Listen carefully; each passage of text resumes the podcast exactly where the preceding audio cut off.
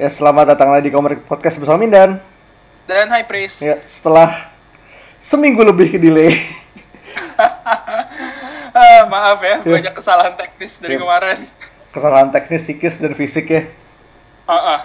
Wow, panjang ceritanya. But Yep. we'll get on that later. We push Maybe, on. who knows. Ah, Eh, jadi karena waktunya udah mulai kayak udah telat kebanyakan keteteran, kita putuskan eh, pembahasan komik minggu ini ditiadakan dulu. Tapi ada bonus di akhir podcast ini. oh, yes. Double feature. Ini hitungannya double, double, feature juga sih. Nggak, tapi bonusnya dua, setengah-setengah, dia double feature hitungannya. Oh ya, oke, bener, bener, bener. Jadi semacam bersyukur juga sebenarnya kita ngerekam hari ini. Mhm. Yep. Jadi pertama kita bakal review Captain Marvel dulu. Mhm. Spoiler cast akhirnya. Well guys, akhirnya eh, Devina nggak ada karena menurut kabar dia lagi tewas. Iya. Tertiban tugas Ka- Dari kabar yang dilansir. deadline. Ah, Deadline emang Hollywood Reporter. ah. Understandable. We've all been there. Yep. Jadi ya eh, Captain Marvel seperti lo tahu keluar minggu lalu eh Brie Larson as Captain Marvel ada Jude Law Oh, hmm. Boy. We'll get on that later. Jude Law terus siapa lagi sih eh oh Lashana Lynch Mon- eh, Maria Rambeau Ben Mendelsohn si eh, kalau lo udah nonton Rock, Rock One Krennic Oh ya, Krennic ya itu astaga. Nggak ngeh gue. Ya ijo sih Iya, makanya. terus ada eh, Samuel L. Jackson minus 20 tahun Mhm. Pulp Fiction Samuel L. Jackson nih. ini eh, Jules Winfield Jules Winfield abis cukur udah botak itu dan ada Coulson Ya, muda. ada Coulson muda. Pokoknya lumayan rame. Ya, jadi pas pertama kali lo keluar bioskop, aftertaste lo gimana? Aftertaste tuh gue puas. Kayak kalau kemarin udah ada yang ngeliat retweetnya Tom eh, Komrek tuh gue kayak ini pertama kalinya gue bisa teriak Jude Law ngentot tanpa ada konotasi seksual di situ. Itu pure rage, bukan birahi gue. Kayak minimal kayak ada 10% birahi nggak sih? ya, ya anggaplah 49% birahi, 51 rage. Ya masih masih apa pemegang saham mayoritas ya. Masih dominannya rage. Oke. but- Hey, dan eh, gimana ya? Ini gue nonton tuh begitu keluar bioskop yang masuk otak gue pertama adalah yang bilang ini film jelek tuh siapa sih ini gelut sama gue. This movie is not the best movie ever made. It's not one of Marvel's best, but it was pretty damn good. It was Bagus. fun. It was fun. Hmm. I liked it. Gue lebih suka ini dibanding Doctor Strange. Uh. Nice. Oke. Lo gimana? Gue pertama first and foremost karena sedikit kebodohan di masalah tiketing sakit Oh, leher. oh. Gue udah Oke, jadi long story short, gue salah beli. Ketukar lo- eh, lot nonton di lote Kuningan. Yang beli buat di lote Bintaro. That's the bad news. The good news, tiketnya masih ada buat jam yang sama. Tapi di bawah, kayak literally depan depan layar paling bawah. Uff. Aduh, kasihan banget dan. Ah, Selabi. Eh, tapi ya selain sakit leher, it was good. I had fun. Kayak, gue bukan the biggest Captain Marvel fan. Itu kayak secara apa ya namanya emotional investment, gue nggak terlalu invest sama Captain Marvel. Sama Carol tuh gue kayak ya she's okay I guess. Kecuali kalau kecuali kalau lo ngomong Civil War 2 itu ya itu we don't speak of it. Sentimen kita sama di sini. Ya, kayak ya, she's okay I guess terus kayak di sini lumayan banget bikin gue invest Ini bener-bener film ya itu lagi entertaining and visually mantep sih. Ya, visualnya di sini bagus banget. Gue suka. Ini kayak eh, gue berani bilang ini salah satu film Marvel yang third act-nya tuh luar biasa bagus. Hmm. Third act-nya menyenangkan. Ya biasanya belak bagian belakang tuh kayak agak-agak drop dikit, Uh, tapi sekarang kayak Casey. konsisten. uh, case in point, film favorit gue, personal favorite gue, Black Panther. Itu kayak begitu udah masuk third act kayak, nah man, it's it it was good, but this is going pretty down. But it's still good. PS2 graphics ya. Uh, tapi ya Captain Marvel, like I said, it's fun. Dari awal sampai akhir tuh konsisten. Gue nggak ngerasa ada penurunan sama sekali di filmnya. Yep, uh, it's fun. Dan jadi, sekarang kita masuk spoiler territory. Yang akan dimulai setelah nada berikut. Sound the alarm. Spoiler alert! Spoiler alert! Spoiler alert! Kalau lo masih di sini berarti kena kalau spoiler itu semua resiko lo. Hmm. Nah, sekarang menurut lo kayak mungkin let's say tiga atau empat momen yang paling stand out di film ini. Menurut lo? Uh, tiga atau empat ya gimana ya gue eh lo nanya ke gue salah sebenarnya karena gue bakalan listing down momen-momen yang ada Jude Law-nya Iya. Fair game. pokoknya tetap ya itu nggak apa-apa. Ya udah, itu kita hitung satu. Semua momen yang ada Jude Law tuh satu di hati Oh, gue satu ya, oke, gue terima. Eh, terus eh apa lagi ya? Kayak sebenarnya yang itu sih di bagian menjelang akhir begitu Mhm. mereka udah sampai laboratorinya Marvel dan Talos meluk keluarganya I don't know I just like that scene so much Anget. Ah, it's warm Ya, karena ya film ini lumayan ini lumayan ini kita lumayan ditipu juga sama Skrull sih. Ah. Like gini, uh, we know the Kree are assholes. Kree Yeah. itu salah satu ras paling well brengsek di Uh-uh. Marvel Universe. Tapi Skrull, mereka udah tukang ngaco.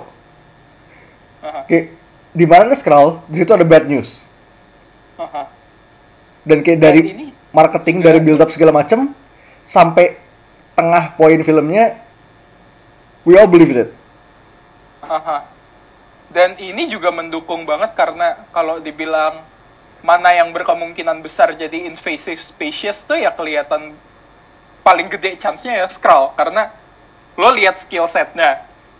Lo lihat kayak dari bentukannya mana yang paling jahat. Skrull. Yep. Harusnya mereka yang jadi orang jahat. But nah, di situ jeniusnya film ini sih gue suka. It's a twist I did not expect but it was fine. Yeah, and again, the Krees are assholes. Aha. It's been well eh, kayak it's been well established around the Marvel universe. Bahkan di film juga, ya biarpun exposure terbanyak si Ronan, tapi tetap they're assholes. Aha. They're, they're a bunch of dicks, aren't they? Eh, ini deh, ini maaf ya agak eksplisit dikit, tapi eh, ada satu hal eh, fun fact soal Jude Law, gue balik lagi ke Jude Law. Oke. uh, Jude Law tuh masuk ke dalam salah satu kategori eh salah satu list di Hollywood di mana dia dikenal sebagai artis yang kebalikannya Willem Dafoe. Dia arti artis di Hollywood yang termasuk titiknya paling kecil. This is news to me. Ah, gue baru oh, tahu. man. gue baru Ah. tahu. Pokoknya Jude Law, Tom Hardy, mereka semua punya ya below average, let's just say that. Dan, dan gue suka di sini adalah Jude Law, titiknya kecil, but dengan role-nya sebagai Yonrog, it proves that you don't need a big dick to be a prick, to be a huge prick. Tapi BD, BDI That's juga sih. That's just, ah, That's all I wanted to say. Oke, the more you know, people, you learn something new every day. Ya sama satu lagi momen favorit gua adalah eh ya final act-nya sih. Berantem di eh, luar angkasa as a whole. Mulai dari si Goose ngela- ngemakan-makanin orang. Oh, boy, itu sa- ya. sampai eh, si Carol binary mode nabrak kapal sampai bolong. Top Hmm. notch. Udah itu aja sih. Lo gimana dan dari gue. Ini yang lumayan wait, Nick Fury is one favorite moment. Kayak Nick Fury di sini tuh lucu banget. oh yeah he's a oh, he's a whole ass mood isn't he Ya biasa lo tau lo, lo lihat Nick Fury kayak 10 tahun belakangan tuh grumpy, tukang tipu, sering hilang. Di sini dia tuh kayak masih wholesome. Mhm. Dia tuh kayak ya nyaris proses Jules Winfield sih. exactly feel-nya sama Dan di sini lo harus lihat dia ngomong sama Gus pas pertama ketemu Oh. di Pegasus Facility itu.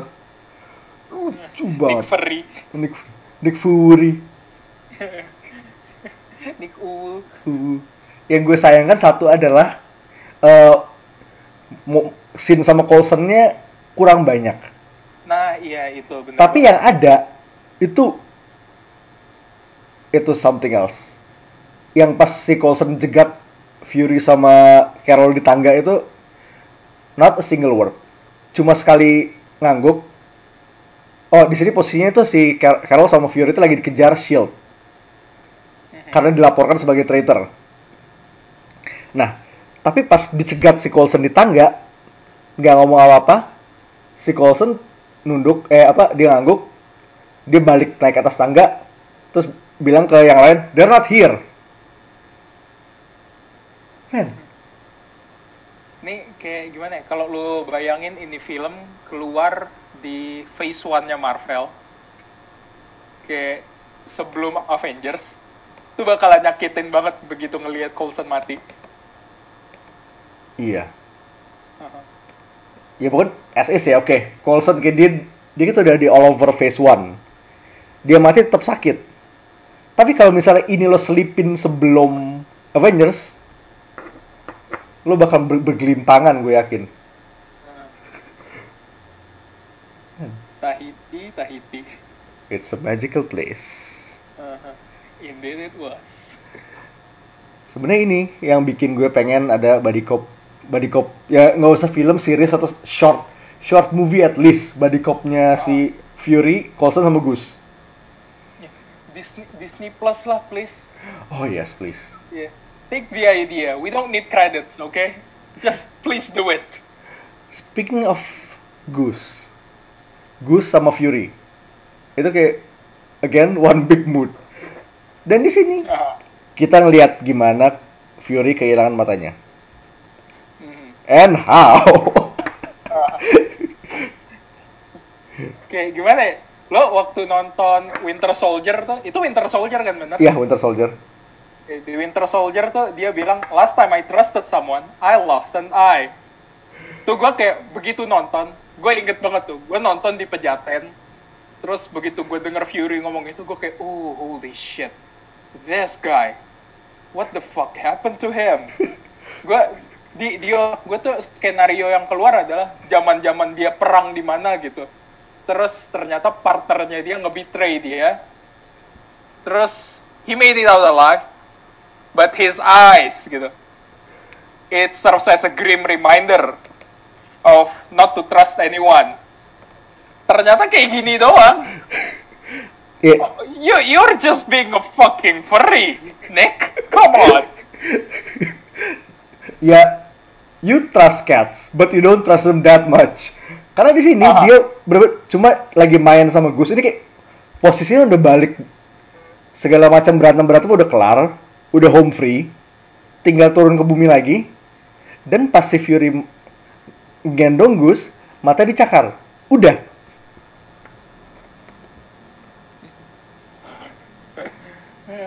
Gila Fury. But uh, to be fair, waktu gue gue sempat begitu keluar bioskop tuh, gue dengar orang-orang ngomong kayak, ah masa sama kucing segitunya sih? Terus kayak, man, have you ever seen a cat lover? Ya, It was so fucking realistic. I gotta, uh, kayak, I gotta applaud Samuel. Jackson for that portrayal of a cat lover.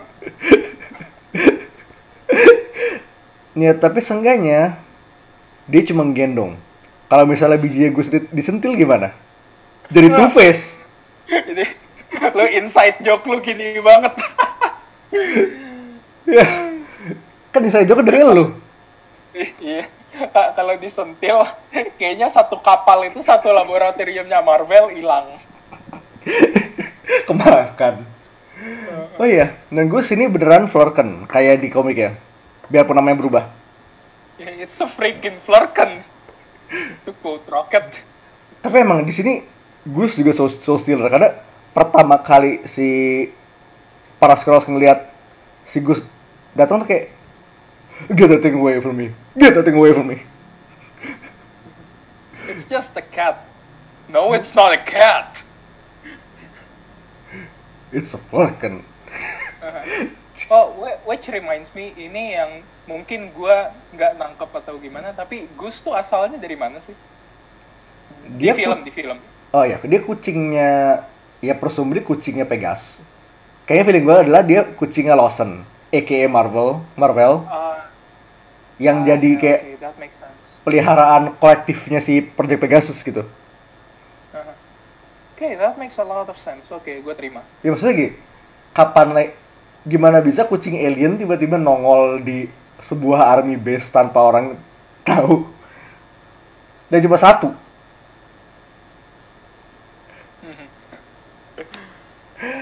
Gus. Oke, that makes sense. Terus salah satu yang highlight juga itu itu aerial battle yang menjelang climax itu yang di canyons. Oh ya. Itu Independence Day banget. Uh-huh. Maria was being an absolute beast. Holy shit. Gila vibe vibe apa Independence Day Ace Combat gitu. Di can bener-bener di canyon yang lo kayak salah salah salah belok dikit itu udah mat dijamin pesawat tuh udah kena tem kena batu itu. Hmm. Iya. Keren sih. Dan oh, salah satu lagi tuh chase yang di train chase. Chase yang di kereta. Oh ya. That was so dope. Kayak dia, dia nonjok nenek-nenek itu ternyata dengan konteks di sini tetap aja gila. Ya, ya kita dari pertama kali lihat pasti udah fix banget ini scroll. Tapi begitu lo lihat scene-nya makin ajaib.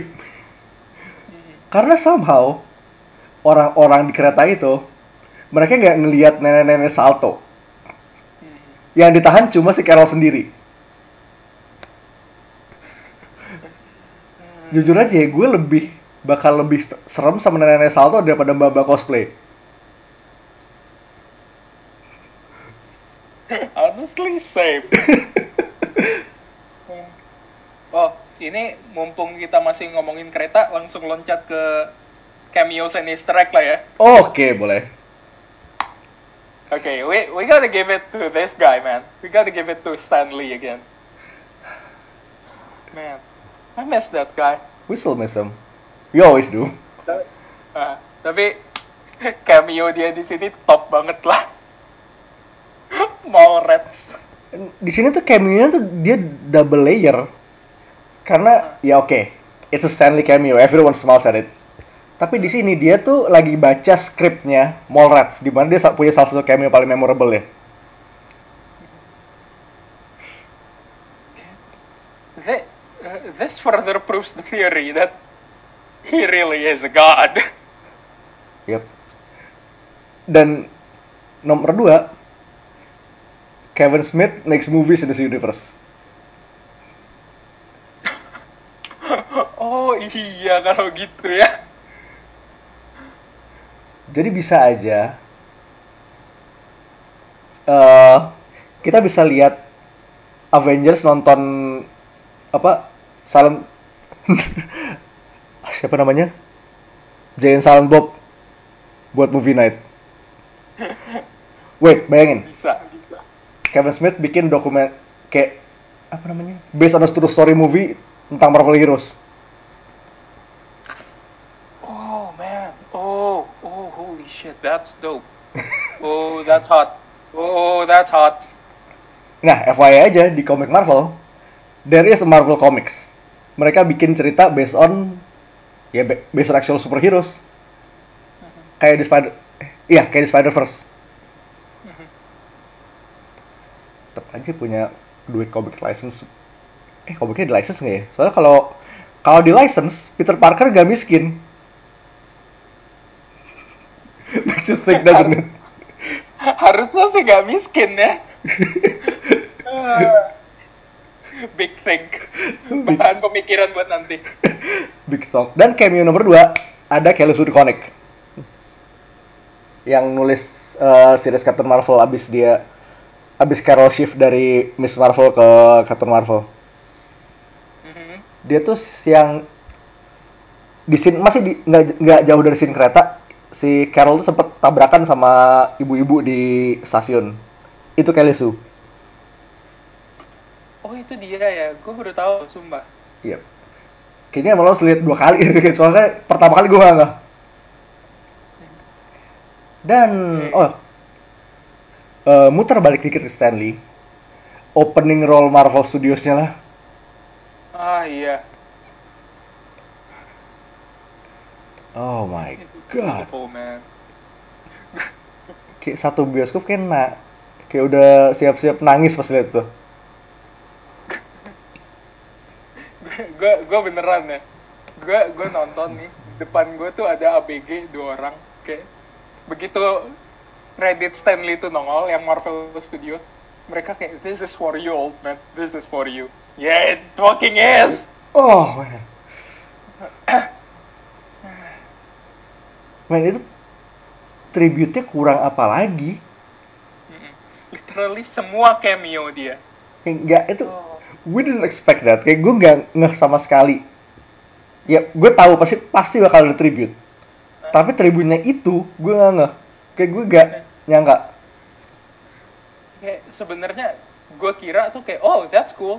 Gue kira kayak bakalan cuman di detik-detik awal doang. Ternyata full satu kreditnya tuh kayak oh shit. This sequence is tailored just for him.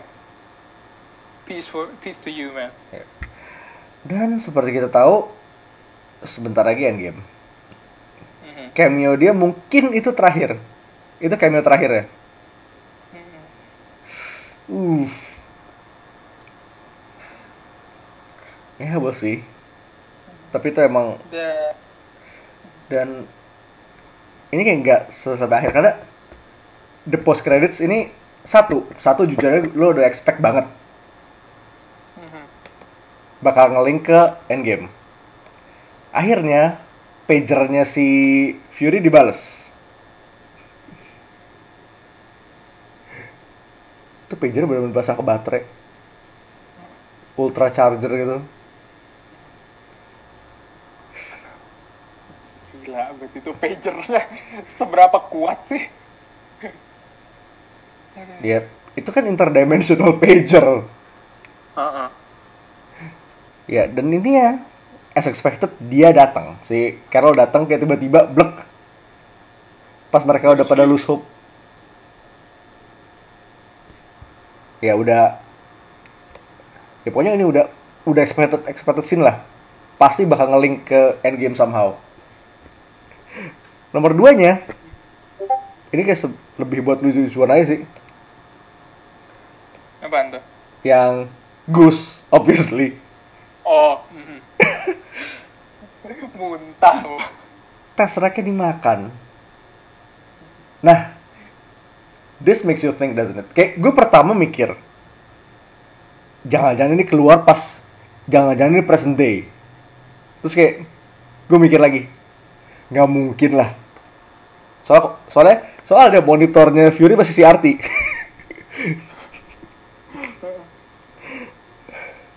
oh, shit. Hmm, Terus ada yang kemarin tuh ada yang point out di Avenger 1 Mhm. waktu Black Widow datang ke Banner terus nunjukin Tesseract dia bilang Fury needs you to handle this. Terus Banner kayak bilang oh what does he want me to do? Eat it? So ya lo and behold someone did. Haha. someone actually fucking dead oh sama Easter egg yang eh sempat kita omongin juga kemarin tuh kayak bajunya Nick Fury waktu dia dikasih seleksi mata sama Coulson bajunya tuh kayak pan kayak baju Nick Fury di game Punisher Yep, sweater game marun arcade. ya sweater marun ada holsternya Ya. Speaking of Easter eggs lagi, di sini reference ini film 90s. Ada Nick Fury naik mobil sama white guy, white guy. Reference Pulp Fiction-nya bertebaran. Yang talos minum mirip sama kayak fo- fotonya tuh kalau di samping-samping itu persis itu sama kayak scene si Winfield nginterogasi di sambil makan di Kahuna, Kahuna Burger itu. same aura semua ya sama eh yang obvious juga adalah sempat ada foto keluar Fury lagi naik mobil sama Coulson. Lo samping-sampingin sama foto Vincent Vega, Vincent Vega lagi naik mobil sama Winfield persis.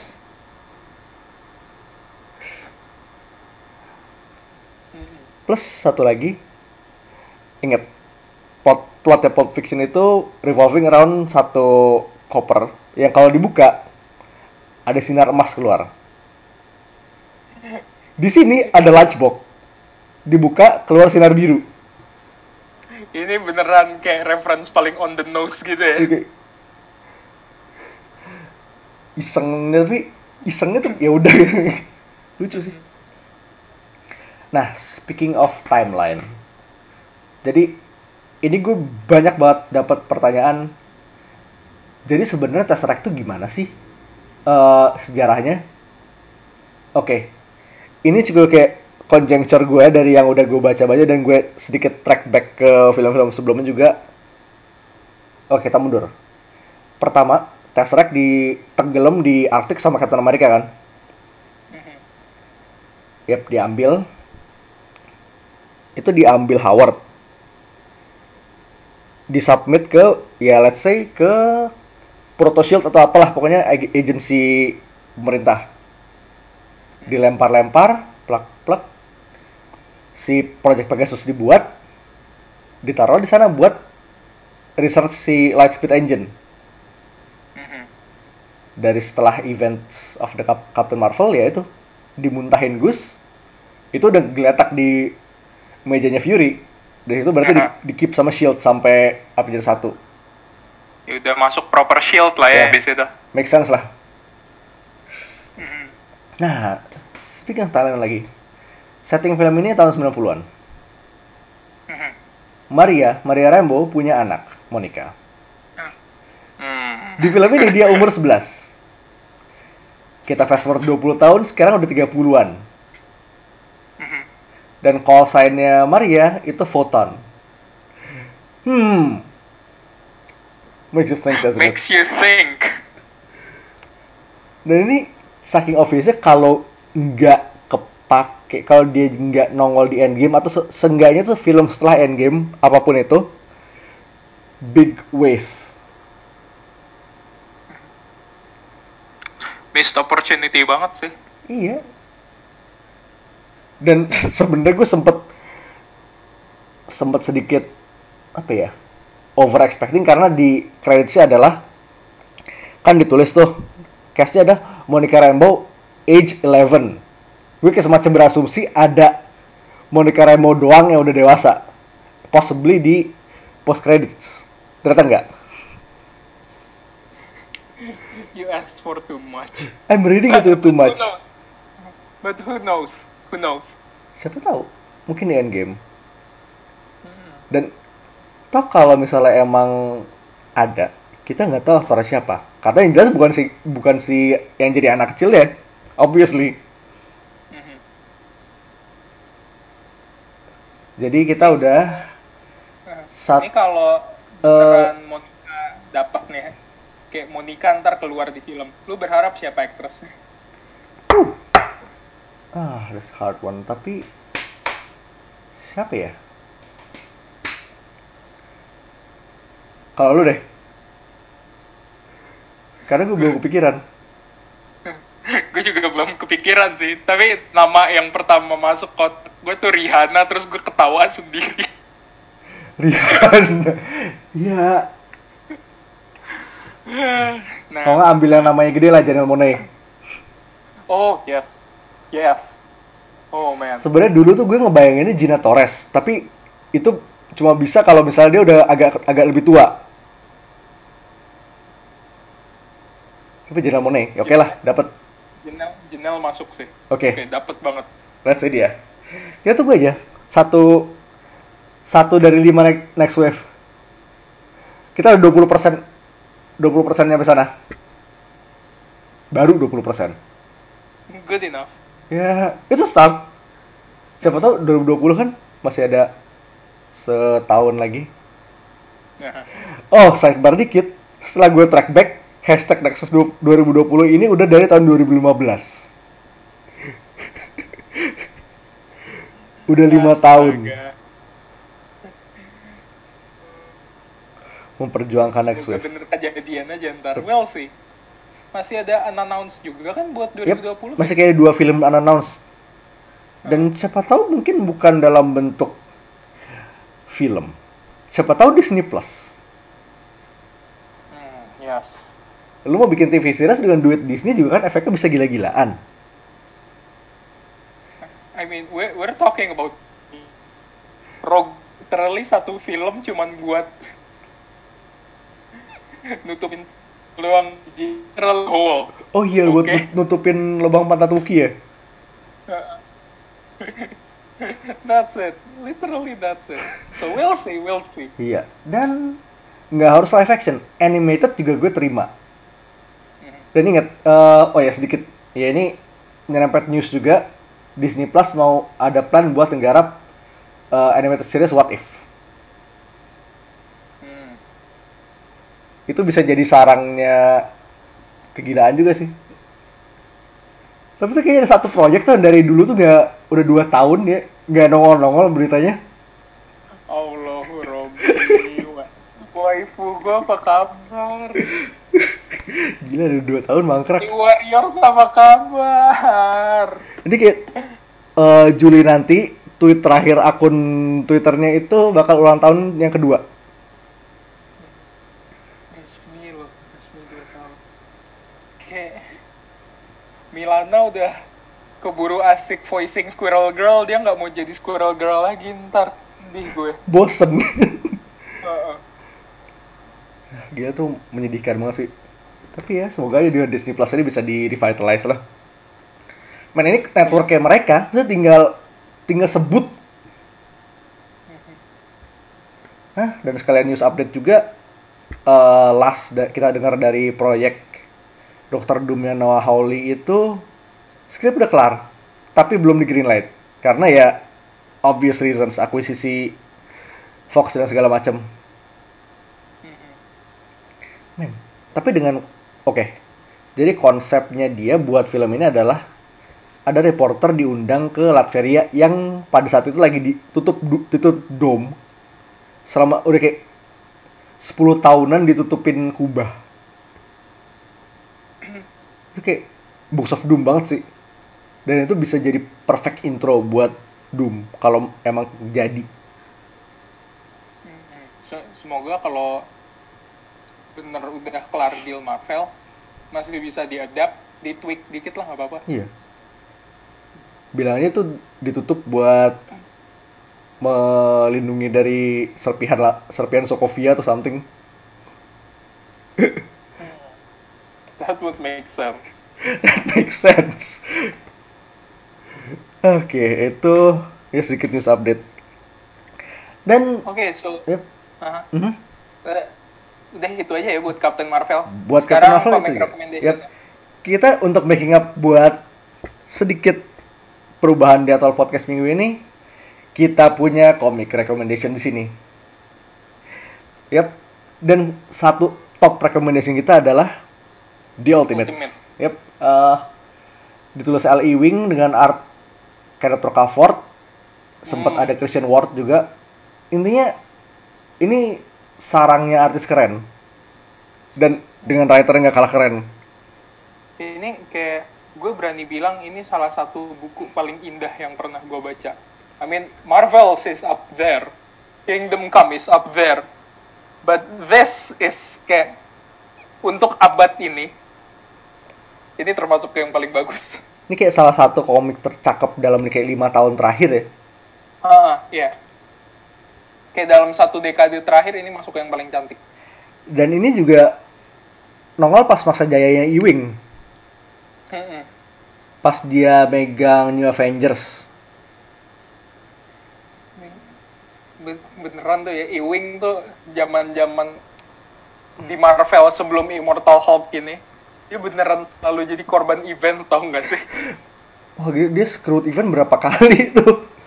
Oh, oh. kasihan banget marah. Tapi giliran dia yang megang event, uh, hmm. tinggal tunggu aja kita bahas Snow Road Home ntar. Oh itu pasti. Yep, No Road Home yang bakal kalau series weekly. Bakal mungkin sekitar kayak minggu ketiga atau keempat April itu just in time for Avengers Endgame. Hmm. yang kebetulan baru aja kita baru aja kita lihat trailernya. Ah, segue-nya bagus, segue-nya bagus. Well done, Dana. Well done. Ah, semacam bersyukur kita sem- jadinya recording hari ini. Jadi kayak semua delay kemarin tuh ada hikmahnya ternyata. Iya. So, thoughts on the trailer? Yep. Holy fucking shit, man. Ini kayak dia nggak ngasih banyak. Tapi apa yang dikasih itu berbobot. Kayak setengahnya tuh cuma pakai footage lama. Dan bahkan pengguna footage lama juga pas karena lo kayak napak tilas 10 tahun ke belakang MCU from the beginnings dan sekarang ujung-ujungnya udah ter- terpuruk post snap gini Hmm. Dan yang gue suka adalah dari klip-klip lamanya tuh, semua warna merahnya dinaikin. Sisanya hitam putih. That's Ya. fucking cool. the Marvel colors of course Haha. Dan banyak bahan spekulasi. Ini kayak salah satu yang paling apa ya paling eye catching itu Clint lagi ngajarin seorang bocah cewek memanah. Who is she? Hmm. Nah, tebakan realistis jelas Lila. Lila Barton anaknya. Tebakan optimis ya kita tahu semua siapa kita bakal bilang siapa men ini dan ini kalau emang mau mantel hand mantel Hawkeye di hand off ya emang bisa banget di sini tau udah nggak pakai juga dia kan. Dan kemarin juga udah itu kan, udah confirm bakal ada Casey Lang. iya Kalau Ca- Casey Lang udah ada, terus ditambah Kate Bishop ya udah. yang Avengers jadi Ya, ya, yang minimal dua dari sekian Mm-mm. dan Quantum Suits yang udah di leak dari berbulan-bulan lalu dari mainan segala macam itu akhirnya muncul on screen. Mhm. Uff. Tapi tapi tapi tapi tapi Dana, Yes. kita seberapapun seberapapun kita hype sama quantum quantum suit itu, kita hype sama satu suit yang lain. Oh, itu hype trainnya gede banget. Men, itu tiga detik. Nggak, mungkin nggak nyampe tiga detik. Rocket. FYI dengan itu dia pakai kostum lamanya, kostum kayak klasik kostum di komik. Yang kayak apa sih namanya? Jaket double breasted itu loh pokoknya. The OG rocket suit lah ya. Iya. Dia naik nemplok di pundaknya War Machine yang makin gahar lagi. Akhirnya nih ya, kayak setelah War Machine debut di Iron Man 2, ini pertama kalinya War Machine kelihatan beda banget sama Iron Man. And that makes me fucking happy, man. Oke gini, kalau kita mundur bentar. Iron Man 2. War Machine is Iron Man with guns. Iron Man 3. War Machine is American Iron Man with guns. Di Civil War, War Machine is Iron Man with guns. Sama pentung, sama pentungan hansip. Hmm. Nah, Infinity War mulai beda. Aha. Ini Infinity War itu Iron Man as a fighter plane. Di sini, Ini men, gini kita baru ngeliat mungkin kayak belum nggak nyampe seperempat shootnya tapi ini kayaknya bakal gede. Ini bakal fake.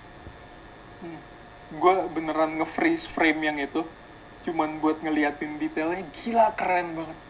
Di kepalanya tuh kayak di pipinya ada kayak dua lubang ada dua lubang gitu kecil itu udah kayak Gundam. Kalau dia bisa kalau dia bisa nembakin peluru dari pipinya man that's perfect. Ya, itu antara itu tuh antara lobang atau baut, tapi itemnya itu keren. yeah he's I'm going to fucking love the hell out of this suit Dan frame-nya tuh udah kelihatan banget gede, lebih lebar dari eh suit dia biasanya. Ini gue tinggal nungguin ini mainannya kapan. Terus kayak nggak ini nggak bohong ini salah satu hal yang paling gue tunggu dari Endgame. Mhm, sama sama Pas Infinity War aja dia si Rhodey cuma nongol apa total nggak ada tiga menit. Tapi bikin hype banget. gila gila gila gila Men minimal di sini tuh dia dapat meaningful blow lah. Eh, terus lo inget gak sih dia ada ada yang sesuatu yang mirip kayak Giant Blaster di Marvel vs Capcom itu? Oh iya, oh man, kalau itu nongol, Kalau tuh Gila. dipakai, men. Dan inget, di sini Rodi udah punya bantuan roket. Jadi kalau lo lihat ada senjata-senjata gede yang uh, humongously improbable, ba- improbable, kemungkinan itu kerjaan mereka berdua. Masa lu bayangin aja mereka berdua lagi building di garasinya compound itu. wholesome, Wholesome tinkering bareng gitu ya. Oh boy. Roket, Rudy, ayolah, jangan semoga banyak. Oke. Semoga sekitarnya banyak. Kan di sini kayak roket juga potensi so stealing juga. Dan satu lagi yang mau gue highlight di sini adalah Hmm? Ronin di sini keren banget. Yap. Kostumnya kayak ninjak. Iya, kostumnya kayak ninja. Tinggal lo ganti warna udah jadi. Wait, haircutnya juga kayak ninjak sih. Hah? Rambutnya ninjak banget. Ah, rambutnya udah ninja banget, parah. Ya tinggal, tinggal kayak bagian atas topengnya lu potong, ganti warna jadi ungu. Jadi. Itu kayaknya kemarin abis mini series Valiant kelar, bajunya langsung diambil sama Marvel ya. Kostumnya diambil. Iya Ah. bisa sih. di itu di dye hitam tapi keren suitnya beneran. Dan si scenes uh, Hawkeye di sini bagus-bagus. Loncat dari ledakan. Come on you cannot tell me that's fucking badass. Hmm. Ini kayaknya di gara-gara kemarin di suruh di rumah aja dia kayak making up for it itu bakal jadi show stealer. banget. I hope he doesn't fucking die honestly Ah jangan. Ini kalau ya kalau misalnya Kate ada, gue masih butuh sitcom dia sama Kate. sama tapi aduh gue gue gue masih berasumsi bahwa Disney gak akan rela ngebunuh Family Man oke Aduh, Tunggu, that's it. gue lagi inget-inget. Apakah ada fa- family man yang udah jadi korban di film MCU?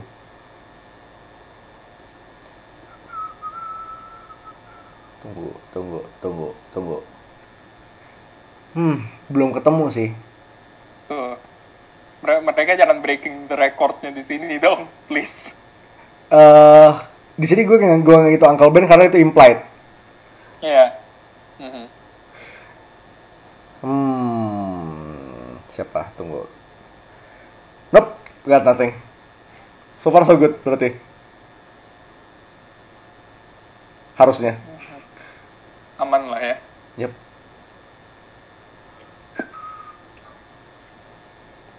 Intinya Sama apa lagi ya? Oke, apa? sama Thor flexing.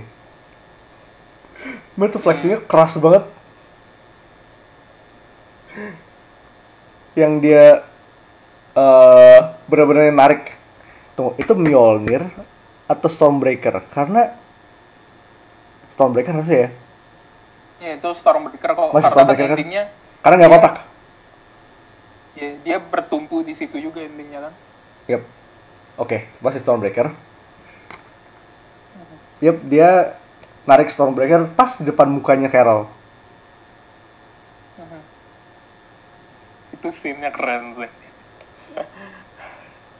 Itu Dan keren oh banget. itu, gue senang di sini kayak di trailernya sama sekali nggak ada showcase powernya Carol ngapain dan adegan Carol sama sekali di Iya. sini. Karena ya Karena filmnya baru keluar kemarin. uh, Eh, minimal lo udah tahu dia bisa ngapain. ya kayak gue gue pengen ngelihat gue nggak pengen ngelihat trailer di mana Carol wreaking havoc di depan Thanos. Gue pengen ngelihat on the big screen how she'll fuck up Thanos. Oh, dan balik lagi ke film, balik lagi ke Captain Marvel ya. Mhm. Di fight-nya pas di kapalnya Marvel itu, kelihatan banget dia mendominasi. Kayak paling OP dibanding kayak satu Legion of Kree Soldiers. Dan itu kayak emang sengaja dibikin squash buat nge-build powernya dia sih. Kayak understandable lah. Ya. Oh, sama mumpung kita lagi ngomongin powernya Captain Marvel, ada Hmm. satu hal yang kayak jadi gripe gue sama waktu Carol nunjukin powernya yang baru. Oke, Ini kayak go on. gue gue sadar bahwa dia tuh powerful dan kalau dia udah going full binary eh, semua blast eh, semua photon blastnya dia tuh kayak luar biasa kenceng kan Iya. yang gue gak suka di sini adalah dia abis ngeluarin blast itu sama sekali gak ada recoil belakangnya itu gue kayak uh, Hmm, yeah, it's oke. cool but Make sense. I, I, I want I want it to be a little more realistic gitu sempat sih ada sekali dua kali tapi harus lebih frequent lah masa lo langsung jago gitu dikasih ginian Oke, make sense. Ya itu comic book physics, yay. ya I'll give it that Oke. sama balik Ya. lagi ke trailer Endgame ya. Eh adik gue sempat point out kayak satu kesalahan ter, sal- satu kesalahan terbesar di trailer Endgame tersebut adalah begitu di sini udah keluar scene di mana mereka pakai baju quantum suit itu ada Tony kelihatan Punggungnya Tony. ya Har- harusnya Tony nggak kelihatan di situ sayang banget Nah, tapi di situ juga ada Neb jelas-jelas ada Nebula. Oh, wait, Nebula. Ini kayak honorary Avenger or permanent member. Hmm.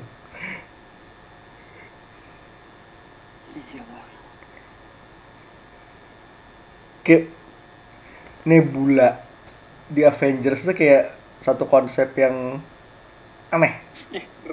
rare banget ya kayak lo nggak akan expect Kayak sebelum lihat trailer ini gue juga nggak nggak pernah kepikiran satu kalimat itu. Yes. sekarang eh yang lo tadi bilang rocket tinkering baju sama war machine Hmm. let's amp that up a little rocket tinkering baju eh tinkering armor sama war machine Aha. sama nebula di Wakanda Oh my god, I just came in my pants. I just fucking jizzed holy shit Oh boy. Mental Yes. image-nya keren banget tolong Oh my god. Oke, itu terlalu bagus. Ya, tapi kita lihat saja. Hmm. And that's a trailer. Mendam dua menit, dua setengah menit.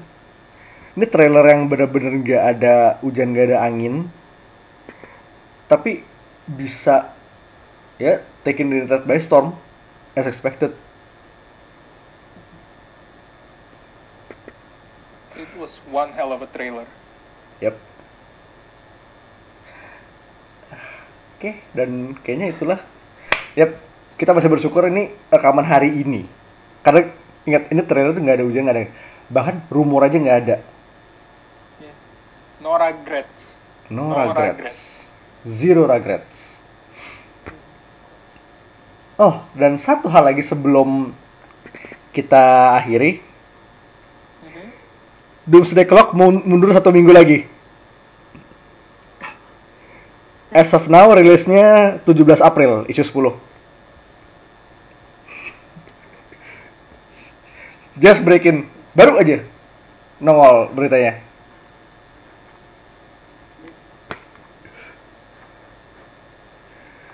Kita bakal nge-review Doomsday Clock tuh begitu Begitu Next Wave keluar kayaknya. enak kali ya. Begitu Next Wave udah sampai Gimana ya? Gila. begitu Next Wave Gila setelah Next Wave 3 Do- Doomsday Clock tuh kayak sampai sekarang belum kelar gue udah ganti pacar tiga kali. Either gue ya, ini kemungkinan sih cuma dua. Gue gue jelek dalam maintaining relationship atau emang panjang. Kayaknya kedua-duanya. possibly both. Dan nomor 2, berita nomor 2 eh filmnya Roy Kiyoshi minggu depan, minggu depan tayang. Ore.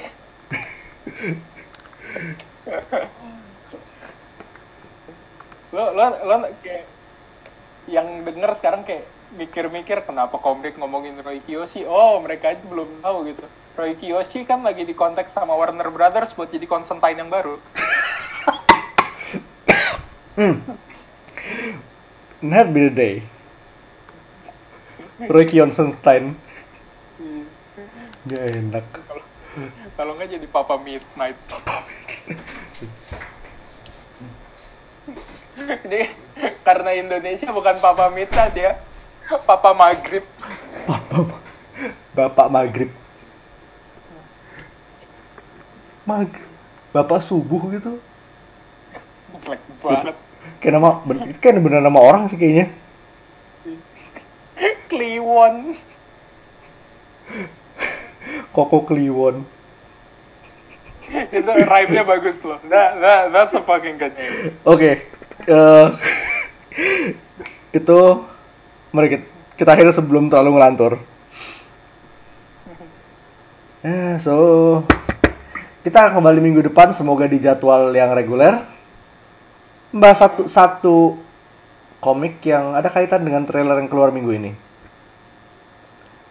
Apakah itu? Kita lihat aja. We'll see. We'll see. Pokoknya minggu, minggu seminggu lalu aja keluarnya.